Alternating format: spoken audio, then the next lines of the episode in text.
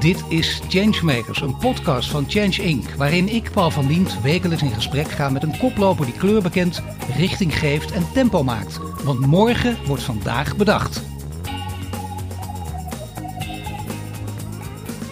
Richard Burger is medeoprichter van Swapfiets. De fiets met de opvallende blauwe band is inmiddels in zeven landen te vinden.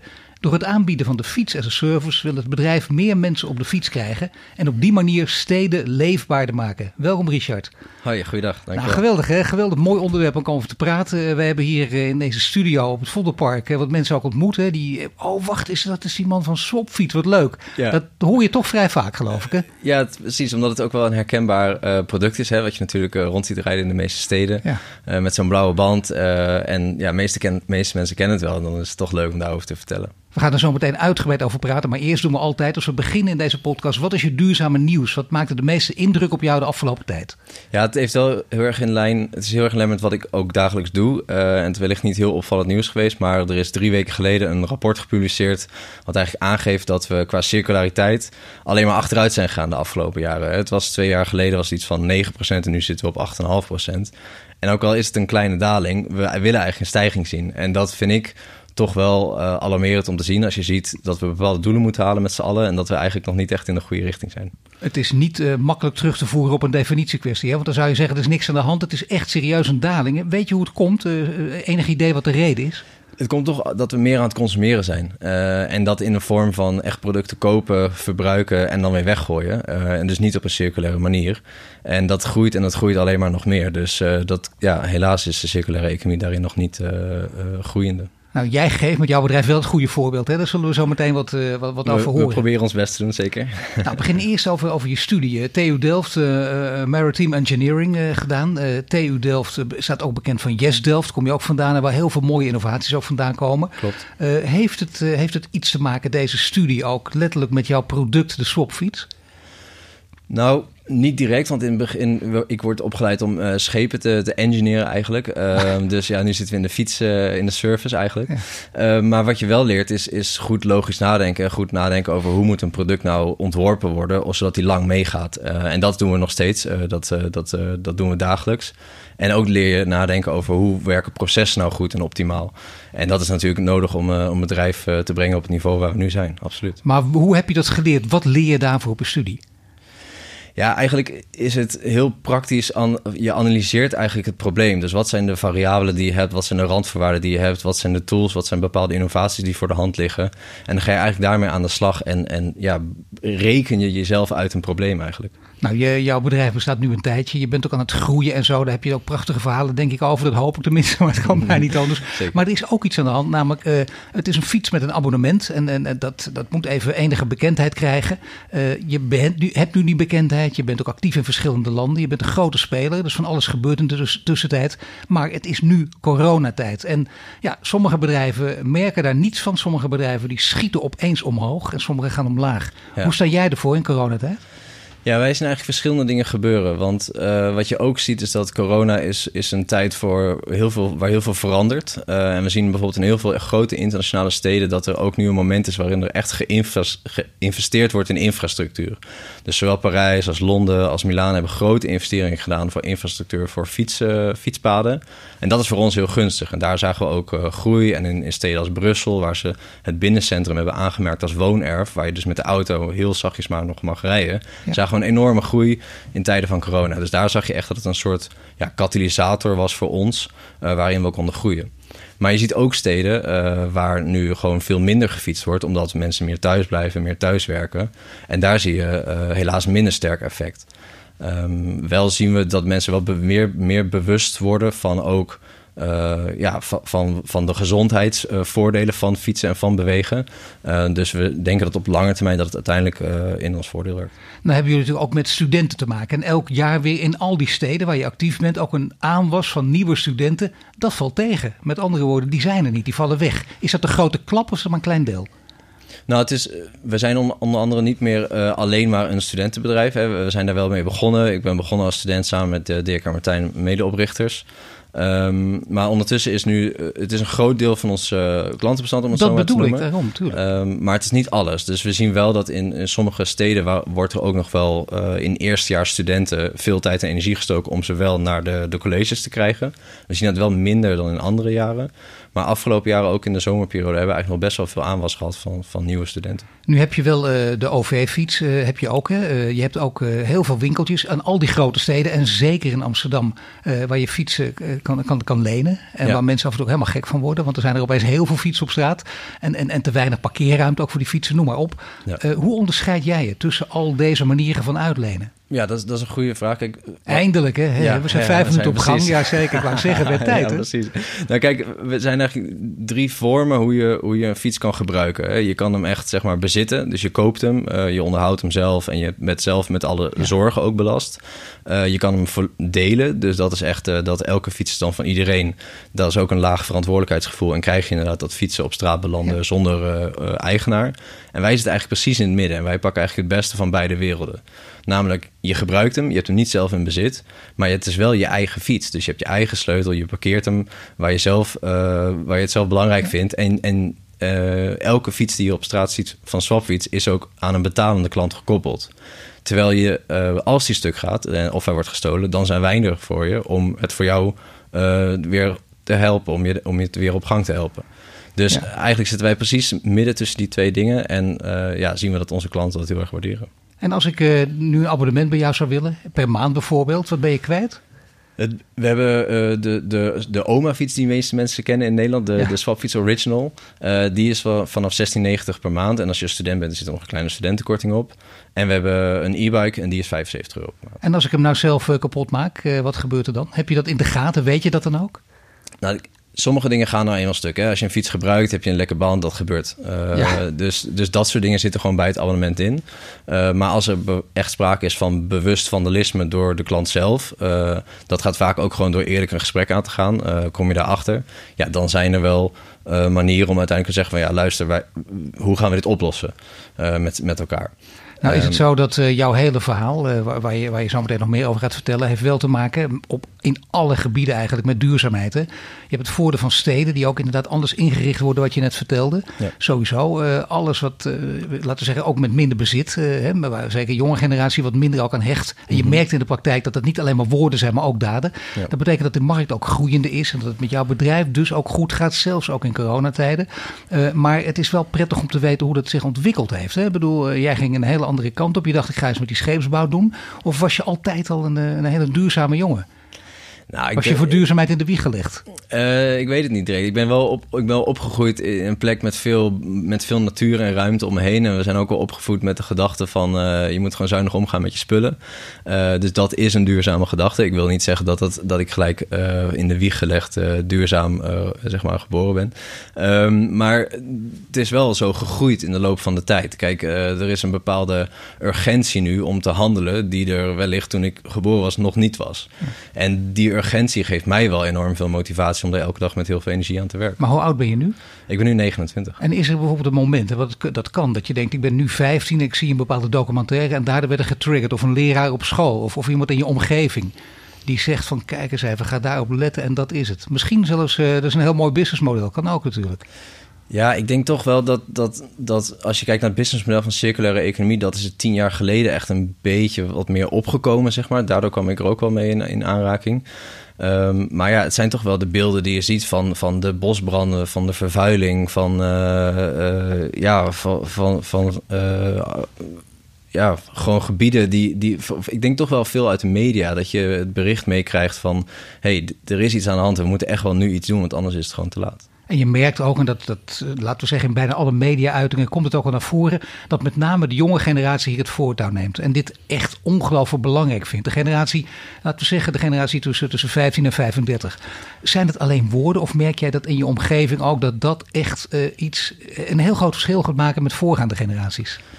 Ja, ik denk dat er wel echt veel meer daden achter zit dan alleen woorden. Het is ook wel een generatie die, die wellicht heel veel van zich laat horen, vooral op social media en overal. Ja. Uh, maar je ziet ook wel dat, dat er uh, ja, bepaalde trends zijn die ook wel ingezet worden vanuit de jongere generatie. Hè? Dat bijvoorbeeld de zuivel steeds min, minder wordt of vlees eten wordt steeds minder. Uh, inderdaad, het, het, bezitten van spullen is minder belangrijk. Je wil eigenlijk veel meer gewoon gebruik maken van iets. Hè? Waarom zou ik een, een auto bezitten als ik ook van een deelauto gebruik kan maken en ik, en ik heb die maar twee keer in de maand nodig. Ja, dat, dat zie ik wel in mijn directe omgeving, dat er anders naar wordt gekeken. En jij handelt er zelf ook naar? Je bent zelf ook iemand die, die precies in dit kader past, in dit profiel past? Mm Ja. Ja, dat, ja, dat klopt. Ja, ik Op de swapfiets hier naartoe gekomen? Nou, uiteraard. Ik woon tien minuten verderop, dus dat, ja. dat gaat hartstikke goed. Uh, maar ja, ik probeer daar wel ook mijn steentje bij te dragen, absoluut. Hoe groot was je bedrijf toen je begon? Want jullie hebben met z'n drieën opgericht. Dat is bijna het, het, cliché van, van de jongensdroom, wat heel mooi is natuurlijk. Maar vervolgens, uh, hoe groot was het en hoe groot is het nu? Ja, we zijn eigenlijk begonnen door. Nou, het begint met een idee. En op een gegeven moment moet je dat idee uh, gaan uh, valideren, in werking gaan zetten. Dus we hebben eigenlijk uh, 40 fietsen gekocht op marktplaats, opgeknapt, blauw bandje opgezet. En, en die gingen eigenlijk vrij snel, waren die ja, verkocht, als ik het zo noem. Dus de abonnementen waren eigenlijk verhuurd, om het zo maar te noemen. En dat ging zo snel dat we dachten van... hé, hey, goh, uh, we hebben hier geen marketing uh, aan gedaan. We hebben hier eigenlijk nog niks aan uitgegeven. Uh, hier zit iets, laten we hier iets mee Die gaan doen. Die blauwe band trouwens, dat is natuurlijk over marketing gesproken. Iconisch nu, hè? dat is ja. het geweldig bedacht. Vandaar herken je het onmiddellijk aan. Maar is dat ja. jouw idee of iemand anders? Nou, we zijn met z'n drie eigenlijk tot stand gekomen van... we hadden eerst twee blauwe banden. Van wil die fiets herkenbaar maken? Want in principe de fiets is niet per se iets nieuws. Maar het model is iets nieuws. Hoe maak je dat herkenbaar? Nou, we komen uit Delft. Delft blauw. Blauw vinden we een mooie kleur. Oké, twee blauwe banden erop. Uh, maar ja, dan ga je, gooi je twee goede banden moet je weggooien. En een achterband vervangen, ik weet niet of je dat wel eens gedaan hebt, maar dat is vrij veel werk. Dus daar waren we op een gegeven moment klaar mee. Dus toen kwam de suggestie van, uh, van hey, laten we niet, kunnen we niet gewoon één blauwe band doen en laten we dan de voorband doen. Uh, dan valt het lekker op. Dus maar zo is goed hoe je dit vertelt. Het is, het is geen ego-verhaal, het is geen wedstrijdje van ik ben degene die, meestal is dat wel, vooral als het merk ook groot en beroemd gaat worden, ja. dan wil jij toch de uitvinder zijn. En dan blijken er heel veel mensen zijn al de uitvinder geweest. Ja, maar dit is een gezamenlijke uitvinding. Nou, wij horen ook wel van andere mensen zeggen, ja, ik heb ook wel zoiets als swapfiets bedacht. En dan, ja, dat, dat, dat zou best kunnen maar, maar je hebt het niet gedaan. Ja. Nee, dat is jammer. Ja. Nee, maar goed, ook de blauwe band met z'n drie. En toen echt, echt klein en zomaar. Echt, echt, echt gewoon als leuk ideetje. Een beetje echt amateuristisch nog, op de goede manier. Hè? Maar daarna ga je groeien en daar moet je maar iets over vertellen. Ja, dus op een gegeven moment zijn we tot 150 klanten gekomen. En toen was eigenlijk uh, ja, het eigen geld uh, was op, zeg maar. Dus toen moesten we echt wel op zoek gaan van... oké, als we dit bedrijf groot willen maken... dan moeten we extern geld aantrekken. En dat was een flinke zoektocht en dat, dat gaat niet vanzelf. Maar toen dat op een gegeven moment gelukt was... hadden we wel de middelen en het netwerk om ook te gaan schalen. En, en dat, is, uh, ja, dat is een enorm gave tijd, nog steeds. Waarin, waarin er, ja, er zijn constant problemen. En de vraag is, oké, welke problemen kan je tegelijk oplossen... en wat is de volgende die eraan gaat komen? Ja, en dus continu innoveren ook, dat kan niet anders. Ja, en ook misschien wellicht bepaalde problemen laten liggen... die niet groot of belangrijk genoeg zijn... Uh, want je moet je op iets anders focussen. Um, dus ja, dat, dat is een enorm gaaf tijd, geeft heel veel energie. En uh, ik denk een van, de, een van de dingen die essentieel daarin zijn... is dus het bouwen van een team die daar, die daar goed op gaat... die, daar, die daarmee kan omgaan en die dus ook heel... Uh, ja, zelfstandig eigenlijk uh, daar ook mee verder kan. Hoe groot is het team nu? Nou, we hebben in totaal bijna 1100 mensen bij ons werken. Uh, en dat is inclusief alle, alle swappers, alle fietsmakers, uh, iedereen in alle landen. Um, dus ja, dat is uh, zeker een forse, forse team. Ja, maar dit is dus ook een, een volkomen nieuw vak opeens. Hè, dat jij in de vingers moest krijgen. Namelijk het vak dat met leiderschap te maken heeft. Dat ja, kan niet anders. Je, je moet zeker zelf ook meegroeien. Dat is absoluut waar. En, en kijk, zolang je daar bewust van bent uh, dat je niet uitgeleerd bent en dat je daar ook uh, wellicht hulp voor aan, uh, aantrekt en dat je daar ook ervaring binnen je bedrijf naar binnen haalt, dan, dan lukt dat goed en echt bewust blijven leren. Maar als je inderdaad gaat zeggen van ik ken alles al, terwijl je inderdaad uh, nog, nog maar vier jaar in het bedrijf zit, zeg maar, dan, dan gaat het denk ik snel uh, niet goed. Maar ik bedoel ook leiderschap in de zin van uh, hoe je met je mensen omgaat, hoe je een organisatie bouwt. Of zoals jij het dan zegt, natuurlijk inderdaad een team bouwt. Ja. hoe je wel of niet moet delegeren. Je, je kunt alle kanten op natuurlijk. Hè. Er zijn veel wegen ook die naar Rome leiden uiteraard. Maar ja. wat is jouw methode geworden langzamerhand? Nou goed, kijk, Je maakt erin ook heel veel fouten. Hè? Ik bedoel, uh, dat, is ook, dat is ook onderdeel van het leerproces. noem maar eentje, dat is altijd goed om te weten. Nou, ik moet eigenlijk wel... Noem maar een blunder. Een blunder van mij, dat was toch wel, denk ik, toen we de eerste vrouw binnen ons bedrijf... die met zwangerschapsverlof ging, waarvan ik niet wist dat dat wettelijk bepaald was dat het vier maanden was. Dus ik was vrij verbaasd van waarom vier maanden? We, we zijn een snelgroeiend bedrijf, we kunnen helemaal niet vier maanden missen. ja. En dat heb ik uit uiteraard niet direct tegen haar uitgesproken, maar dat kwam ik uh, achteraf zelf achter. Maar dat is wel absoluut een blunder waarvan ik nu denk van nee, uh, dat gaan we niet nog een keer zo doen. Nee, nee, dat zijn inderdaad dingen waar je moet, uit, moet uitkijken. Ja, maar goed, dat val, vind ik nog wel meevallen. Je hebt het niet in haar gezicht uitgesproken, dus dat is ook uh, fouten zijn fantastisch trouwens. Hè? Dat als je dat risico's nemen en dus ook fouten maken. Ja. Zeker. Nee, het, is, het is allemaal open duren, maar het is wel waar toch? Je hebt het meegemaakt dat het zo is. Heel veel mensen haken dan ook af, hè, na drie keer fouten. Ik kan het niet. Ja. Jij hebt dan toch ergens het zelfvertrouwen, haal je vandaan, dat, dat je daar wel tegen kan en verder wil gaan. Nou, klopt. Maar als je dan vraagt naar een methode, dat is dan ook, ook gewoon eerlijk toegeven dat het een fout is. En ook gewoon eerlijk toegeven dat jij niet de waarheid in pacht hebt. En dat je ook bezig bent met uh, iets nieuws ontdekken, iets nieuws leren. Uh, ik denk een fout maken is één ding, maar leren van je fouten, dat is nog veel belangrijker. En zolang je dat laat zien en laat groeien en ook eerlijk in bent uh, wat je wel kan en ook eerlijk in bent met wat je nog niet kan. Maar eerlijk tegen wie? eerlijk intern of ook eerlijk extern? Nou, ook eerlijk extern, absoluut. Ik denk zeker ook met de, met de boodschap die we nu geven over duurzaamheid en over circulariteit. Ja, wij, zijn niet 100% duurzaam, we zijn niet 100% circulair. We hebben wel de ambitie, we willen er wel ooit komen, maar we zijn er nog niet. En ik denk, als zolang je daar eerlijk over bent en transparant over bent en laat weten wat je uitdagingen zijn, ja, dan in plaats van dat je tegenstanders krijgt, krijg je alleen maar mensen die je willen helpen. Ja, nee, dat ehm, scheelt. Ja. Dat je niet zo'n nepverhaal over greenwashing ophangt. Dat heeft heel, je merkt ook, dat begint nu een beetje uit te raken. Mensen snappen zelf ook wel dat ze dat niet moeten doen. Dat uh, de andere partij is slim genoeg ook. Of uh, zelfs de hele massa die toekijkt en denkt... oh, er komt dus een lulverhaaltje, daar hebben we geen zin in. Nee, dat, ik denk dat ze ondertussen slim genoeg zijn... dat we daar wel doorheen prikken, absoluut. Wel mooi dat jij deze woorden gebruikt die ik eh, toch even genoteerd heb. Hè, als het gaat over leiderschap en dan, dan, roepen mensen iets. En jij zegt transparantie, eerlijkheid en mensen inspireren. Nou, eh, eerlijk heb je al een paar keer genoemd. Nou hoor ik trouwens nooit ondernemers die zeggen... ik, ik, zo, ik vind oneerlijk zijn belangrijk. Hè? Dus dat, dat, uh, nee, tuurlijk. Dat, nee.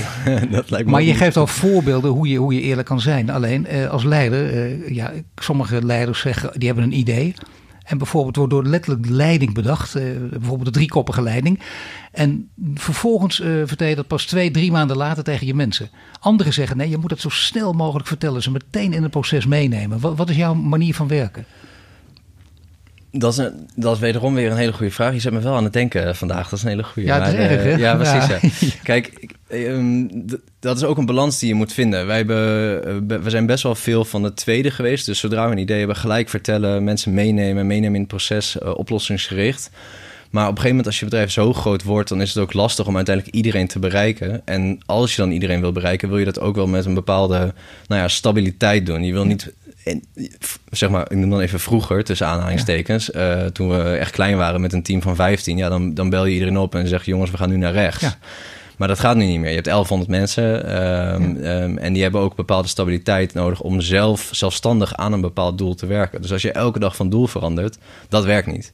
Dus als je vraagt waar ik zit, ik denk dat de, de uitdaging is altijd om in, in ja, de balans te vinden tussen, oké jongens, wel verfrist blij, verfrissend blijven, vernieuwend blijven, uh, ambitieuze doelen stellen, maar ook een bepaalde stabiliteit bieden waarin ja, mensen effectief kunnen werken. En ook dus uh, koersvast blijven. Hè? Dat haal ik er een beetje uit. Dat je zegt niet elke twee weken bijvoorbeeld of op, om de zoveel tijd weer wat anders doen wel veranderen constant, maar wel vanuit een bepaalde gedachte. Ja, ik denk koersvast in je, in je visie, koersvast in je, in je ambitie en in je missie, maar wel bewust en van, van de dingen die om je heen gebeuren. Je kunt heel koersvast gaan zijn en uh, niet doen alsof er corona bestaat, maar dat gaat je ook niet uh, redden. dus, um, maar we kunnen nog wel vast blijven houden aan onze visie. En dat is, dat is denk ik belangrijk om wel vast te houden. Maar is visie, uh, sommigen houden daar niet van. we hebben een premier bijvoorbeeld die het op een hele andere reden af en toe naar zich neerlegt. Hè? Behalve, en, behalve tunnelvisie, maar daar wil hij ook niet aan. Maar het belangrijkste is natuurlijk, als je visie hebt, dat je het ook goed kunt omschrijven. Want dat wil je. Je wil echt iets over vijf jaar bereiken. Of je zegt, we gaan die kant op en dan willen we dat hebben. Wat is in, in het kort jullie visie? Wij, willen de, wij leiden eigenlijk de beweging naar meer leefbare steden. Dat is, dat is wat, wat we willen eigenlijk. En leefbare steden, dat is waar we opereren. En dat doen we in de vorm van meer schonere steden. Dus een product uh, wat in de vorm van circulaire economie veel minder afval genereert. Gezonder, omdat je met fietsen actieve mobiliteit... Uh, een veilig product met verlichting, goede remmen, grip op de banden, maar ook infrastructuur waar we, uh, waar we uiteindelijk in het gesprek mee willen, mee willen praten. Um, en een fiets is eigenlijk ook, het is een prachtig mooi product waar je lekker buiten bent, open bent. Het is eigenlijk ook wat meer, een veel meer een socialer product dan dat je in je auto opgesloten zit en lekker kan toeteren als er iets mis is. Dus, dus dat zijn weet je de vier pilaren waar wij ons op richten als bedrijf. Maar ik hoor hier wel in uh, kwaliteit bieden op alle fronten natuurlijk. Hè? En dat kan ook weer makkelijker met een groepje van 15 dan met 1100. Want je noemde net die hele schakering al. Hoe hou je dat in de gaten? Want kijk, alles, alles heeft op een gegeven moment swapfiets te maken. Een slechte ervaring. Oh nee, geen swapfiets. Weet je wel. Fantastisch product, maar je weet hoe het werkt. Zo gaat het toch. Hoe hou je dat eh, in de gaten? Ja, dat, dat, dat is wederom, denk ik, komt neer op de, op de juiste mensen daar hebben. En zowel de, de, de tools geven om dat ook goed te kunnen maken. Kijk, we proberen altijd zo het in te richten dat uh, het kan nooit zo zijn dat computer says no, zeg maar. Het kan nooit zo zijn dat een klant komt met een probleem en dat wij die klant niet kunnen helpen. Dus daar is alles op ingericht. Uh, en het, het, als je het niet ter plekke kan oplossen, joh, dan swap je altijd gewoon die fiets en geef je een nieuwe mee. En dan, en dan regelen we het later wel eigenlijk. En dat is, uh, we hebben een paar van die kernboodschappen eigenlijk gewoon meegegeven van oké, okay, we zijn een servicebedrijf, service staat voorop. Dus wat er ook gebeurt, dat moet je meegeven. En service, uh, service en technologie, dat is ook een hele moeilijke combinatie. En natuurlijk heb je ja. nodig, en als algoritmes ik denk geheel ten onrechte natuurlijk. Uh, algoritme is gewoon een wiskundige formule die, die, die ik verder kan helpen. Maar vaak een, een hele slechte naam heeft. Ja, als er iets misgaat, omdat de mens ontbreekt. En, en dat een beetje in balans houden met elkaar. Hoe krijg je dat voor elkaar? Met andere woorden, zou je alles gewoon op algoritmes kunnen laten draaien? Of is het onmogelijk als je service biedt? Ik denk dat, dat het een hele lastige is om, om alles op algoritme te laten draaien als je een service biedt. Wij hebben uiteindelijk toch uh, een fiets die door een medewerker van ons, een swapper noemen we die, uh, ja. uh, bij de klant wordt gebracht. of de klant komt bij ons in de winkel en die komt in contact met mensen. Ik, je zou wellicht een aantal in die, stappen in dat proces kunnen automatiseren en ook uiteindelijk makkelijker kunnen maken voor de, voor de klant. Eerst dachten wij, um, bijvoorbeeld in het begin dachten we, oké, okay, we komen altijd bij de mensen thuis, dat vinden ze fijn. Maar uiteindelijk toen hadden we een winkel en toen zagen we dat heel veel mensen automatisch naar de winkel kwamen, want dan is ja. dat toch je eigen tijd en je eigen ja. verantwoordelijkheid. Oké, okay, dan is een winkel dus een betere service ja. en het komt voor ons ook nog eens beter uit. Dus, dus dat soort dingen leer je gaandeweg.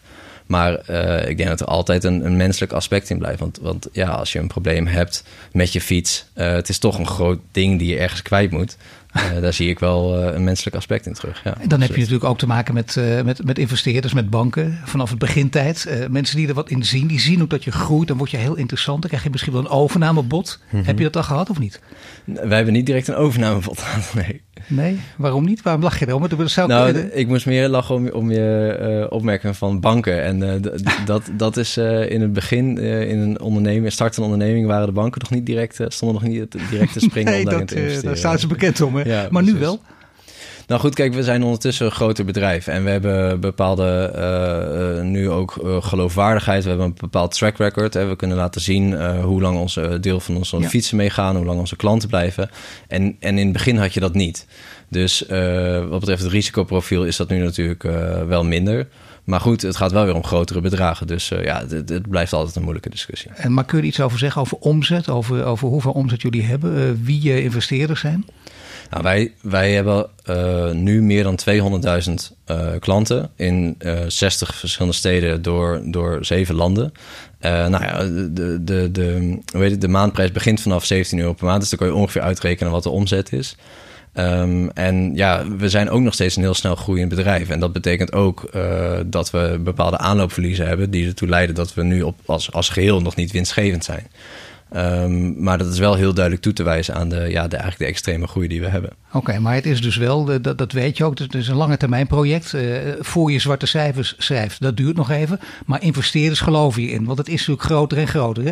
Zeven landen, dat kan nog verder gaan opschalen. Absoluut. Maar welke investeerders zijn met jullie in zee gegaan?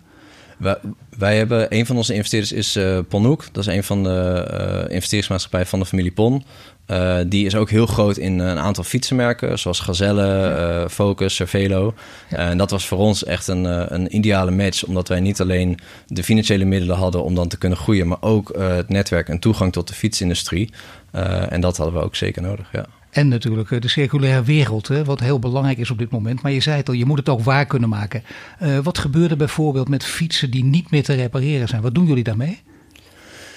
Wij zijn in, zeg maar, als je het hebt over end-of-life producten, dat valt relatief mee hoeveel van die we nog hebben. Want eigenlijk, we zijn nog maar een relatief jong bedrijf. Uh, een fiets kan uh, zeven, misschien wel tien jaar meegaan.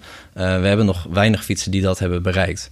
Wij zijn nu wel eh, op kleine schaal aan het testen uh, hoe we dat te kunnen remanufacturen. Dus dat hoe we een fiets die eigenlijk als geheel niet meer te repareren valt, hoe kunnen we die eigenlijk uh, ja, remanufacturen zonder het om te smelten weer een nieuwe fiets van maken. Dat, dat zijn we nu op kleine schaal aan het testen. Maar wat we zien is dat die fiets eigenlijk in de loop van de tijd elke keer een klein beetje uh, geüpgrade wordt. Dus het is niet zo dat die fiets helemaal stuk gaat en dan weer helemaal geüpgrade wordt. Eh, hij komt gewoon bij ons terug voor een lekke band. Dan krijgt hij een volledige check-up, wordt hij weer gesmeerd, gaat hij weer langer mee. Dus het is een verzameling van onderdelen die constant eigenlijk geüpdate en geüpgrade wordt. Dus wij, wij, verwachten echt dat we die fiets heel lang mee kunnen laten gaan. Dus de vraag is, bereikt een fiets ooit wel het einde van zijn levensduur? Of ga, heb je het over onderdelen die een einde van een levensduur bereiken? Ja, sommige onderdelen waarschijnlijk niet. En wat gebeurt daar dan mee? Nou, onderdelen die niet het einde van een levensduur bereiken, die, die worden eigenlijk door ons constant weer gebruikt. Maar die wel het einde van een levensduur bereiken, die worden dan uiteindelijk toch weggegooid. En dan met weggooien bedoel ik recyclen. Uh, er zijn een aantal onderdelen die moeilijk te recyclen zijn. Bijvoorbeeld een zadel of een remkabel of, of producten die uit meerdere complexe materialen bestaan. Ja, je zit er goed uh, in in de fiets, hè? Ja, ja zeker, absoluut. ja. ja. en dat zijn producten die, die moeten we anders gaan ontwerpen. Uh, ja. Die moeten we op een andere manier insteken, zodat we uh, die wel kunnen recyclen in plaats van dat ze bij het restafval belanden. En nu het internationale falen, Richard, want daar zit natuurlijk de grote groei. Hè? En daar ga je uiteindelijk de zwarte cijfers mee schrijven. In zeven landen al wat heel mooi is. De aantallen zijn ook mooi. Dus er, zit ook natuurlijk nog meer groei in. Ook als je kijkt hoe, hoe de hele wereld eigenlijk eh, misschien wat tegen fietsen aankijkt. Bicycle is wel leuk, is niet nodig. Hè? Jullie mogen door het fiets gebruiken. Fiets is internationaal gebrandmerkt. Kijk, jouw naam is ook al goed, Richard Burger. Daar kan je overal mee uit de weg. Ja, precies. Dat Richard Burger, iedereen snapt dat. Zeker weten. Nee, een fiets is, is uh, ja, dat is gewoon iets heel moois Nederlands. Hè? Als je het uitlegt in het buitenland, uh, swap fiets. Swap is gewoon een internationaal woord, dat begrijpen mensen. Maar fiets, als je zegt, het is bicycle in Dutch. Oh ja, yeah, of course, because you, you Dutchies know all about cycling. het, is, het is gewoon iets, echt iets Nederlands. En dat betekent niet dat er in het buitenland niet gefietst wordt. Desalniettemin, er wordt op heel veel steden en heel veel plekken wordt er heel veel gefietst. Um, en als je dan uitlegt swap fiets, dan is het uiteindelijk juist een versterking van je merk. Kijk, je hoeft iemand in Duitsland niet te vertellen dat je, goede, dat je als Nederlander mooie auto's of goede auto's kan bouwen. Want daar, dan lachen ze je uit in je gezicht. Swap vaarraad. Ja, uh, maar als je het over fietsen hebt, dan, uh, dan geloven ze je gelijk. Absoluut. Ja, en dan kun je ook daar dus het woord fiets gewoon gebruiken. Dat snappen ze natuurlijk de Duitsers zeker. Nee, maar goed, over verder geen flauwe grap over te maken. Dan is er nog iets. Kijk, uh, je moet bepalen naar welk land je toe gaat om groter te worden. Voorlopig nog in Europese landen. Ja, ja die markt is eindeloos. Hè? China, Amerika, om eens wat te noemen. Hoe bepaal je naar welk land je toe gaat? Want ik kan me voorstellen dat heel veel mensen om je heen, eh, de, dat is altijd, hè, de, de beste stuurlers aan de wal, die hebben allerlei leuke ideeën, die weten niet wat het over gaat. Maar hoe bepalen jullie dat? Ja, waar we eigenlijk beginnen is, we beginnen niet per se bij een land, maar we beginnen bij de steden. Wij zijn actief in de steden, waar willen, onze missie is ook om de steden meer leefbaar te maken. Dus dan eigenlijk maak je een grote lijst van alle steden over heel de wereld, waar een groot aandeel fietsers is. Dus waar goede infrastructuur is, waar uh, bij wijze spreken al fietsenmakers zijn, waar veel gefietst wordt dat zijn belangrijke aspecten voor ons om te kijken van hey, is deze stad klaar uh, voor een nieuw model?